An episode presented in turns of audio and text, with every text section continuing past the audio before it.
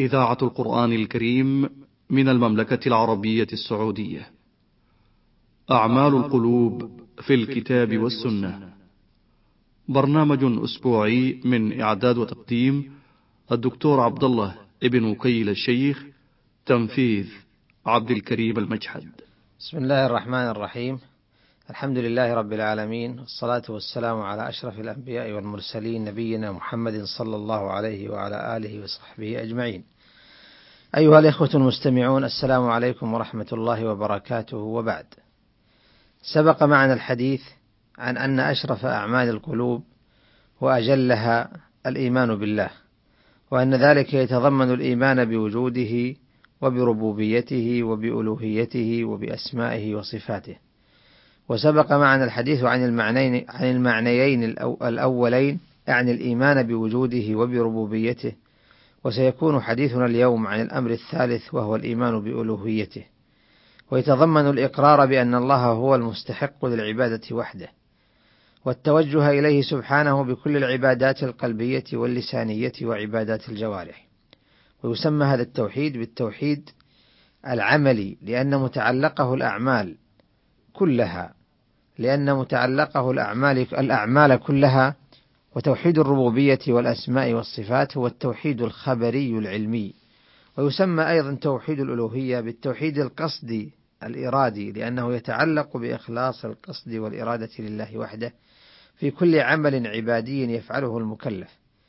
سواء كان ذلك سواء كان ذلك من أعمال القلوب كالخوف والرجاء والرغبة والرهبة والخشوع والخشية والحب والإنابة والتوكل والخضوع. أو كان ذلك من أعمال اللسان كالنطق بالشهادتين والاستعاذة والدعاء والتسبيح والتمجيد وتلاوة القرآن. أو كان ذلك من أعمال بقية البدن كالصلاة والصوم والحج والنذر والذبح ونحو ذلك. أو كان ذلك من الأعمال المالية كالزكاة والصدقات والكفارات والأضحية ونحو ذلك. إن توحيد الربوبية والأسماء والصفات لا يؤتي ثمرته ولا يكون منجيا عند الله إلا إذا أثمر إخلاص التوجه إلى الله وتوحيد القصد إليه وترك عبادة أحد سواه. ولذا كان من التناقض البين ما قصه الله في شأن المشركين الذين كانوا يؤمنون بربوبية الله ثم يعبدون غيره مما خلق. ولذا ألزمهم الله الحجة بإقرارهم بربوبية الله ثم إعراضهم عن عبادته. قال تعالى في سورة النمل قل الحمد لله وسلام على عباده الذين اصطفى. آه الله خير أما يشركون؟ أمن خلق السماوات والأرض وأنزل لكم من السماء ماء فأنبتنا به حدائق ذات بهجة. ما كان لكم أن تنبتوا شجرها؟ أإله مع الله؟ بل هم قوم يعدلون. أمن جعل الأرض قرارا وجعل خلالها أنهارا وجعل بين البحرين حاجزا. أإله مع الله؟ بل أكثرهم لا يعلمون. أما يجيب المضطر إذا دعاه ويكشف السوء ويجعلكم خلفاء الأرض أإله مع الله؟ قليلا ما تذكرون. أما يهديكم في ظلمات البر والبحر ومن يرسل الرياح بشرا بين يدي رحمته أإله مع الله؟ تعالى الله عما يشركون. أمن يبدأ الخلق ثم يعيده؟ ومن يرزقكم من السماء والأرض؟ أإله مع الله؟ قل هاتوا برهانكم إن كنتم صادقين. فهذه الآيات مصدرة بالاستفهام ومختومة بالاستفهام. فالاستفهام في أولها تذكير بما هو متقرر عند المشركين من تفرد الله بما يذكر بعد ذلك الاستفهام. والاستفهام في آخرها استنكار لذلك المسلك الشركي المشين في عبادة غير الله والتوجه إليه بسائر أنواع العبادة. والمتأمل في هذه الآيات يجد هذا الحوار الماتع الذي يأخذ بجنبات النفس الإنسانية ليقودها إلى الهدى والحق.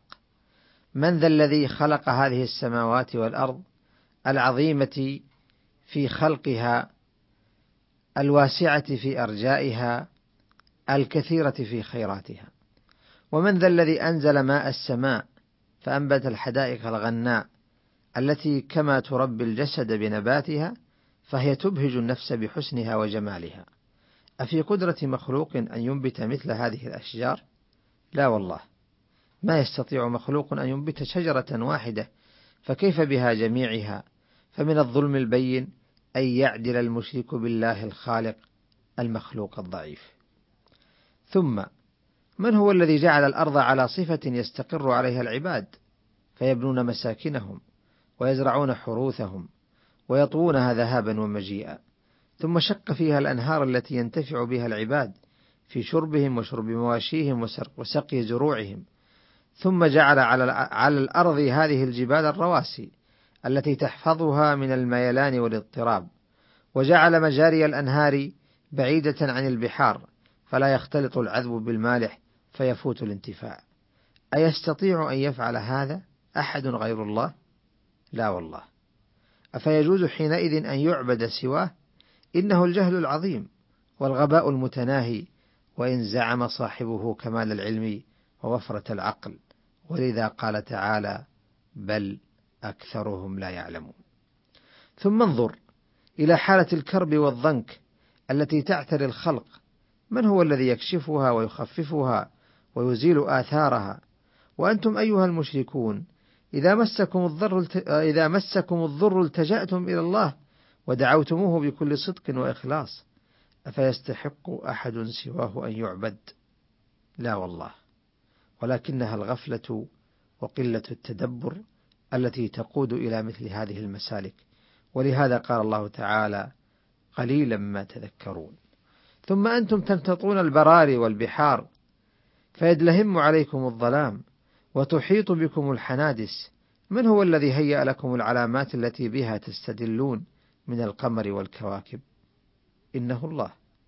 ومن هو الذي يرسل تلك الرياح المبشرات بالخير لما تحمله من سبب الحياة بما تسوقه من السحب المحملة بالماء؟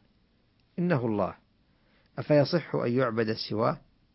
إنه الانتقاص لمقام الله والإعراض عن موجب الوفاء بعبودية الله فسبحان من تقدس وتعاظم عن فعل الجاحدين. تعالى الله عما يشركون. ثم انظر هذا الخلق بكل أصنافه وأجناسه. من الذي بدأه أول مرة؟ ومن الذي سيعيده؟ ومن ذا الذي بسط الأرزاق في السماء والأرض؟ إنه الله. كل هذه حجج تبطل شرك المشركين فإن كان لهم حجة تسور لهم ما يقترفون من الشرك فليظهروها. ولذا ختمت الآيات بقوله تعالى قل هاتوا برهانكم إن كنتم صادقين. وشبيه بهذه الآيات آيات سورة المؤمنون قل لمن الأرض ومن فيها إن كنتم تعلمون سيقولون لله قل أفلا تذكرون؟ قل من رب السماوات السبع ورب العرش العظيم؟ سيقولون لله قل أفلا تتقون؟ قل من بيده ملكوت كل شيء وهو يجير ولا يجار عليه إن كنتم تعلمون. سيقولون لله قل فأنا تسحرون بل أتيناهم بالحق وإنهم لكاذبون. ما اتخذ الله من ولد وما كان معه من إله إذا لذهب كل إله بما خلق ولعلى بعضهم على بعض.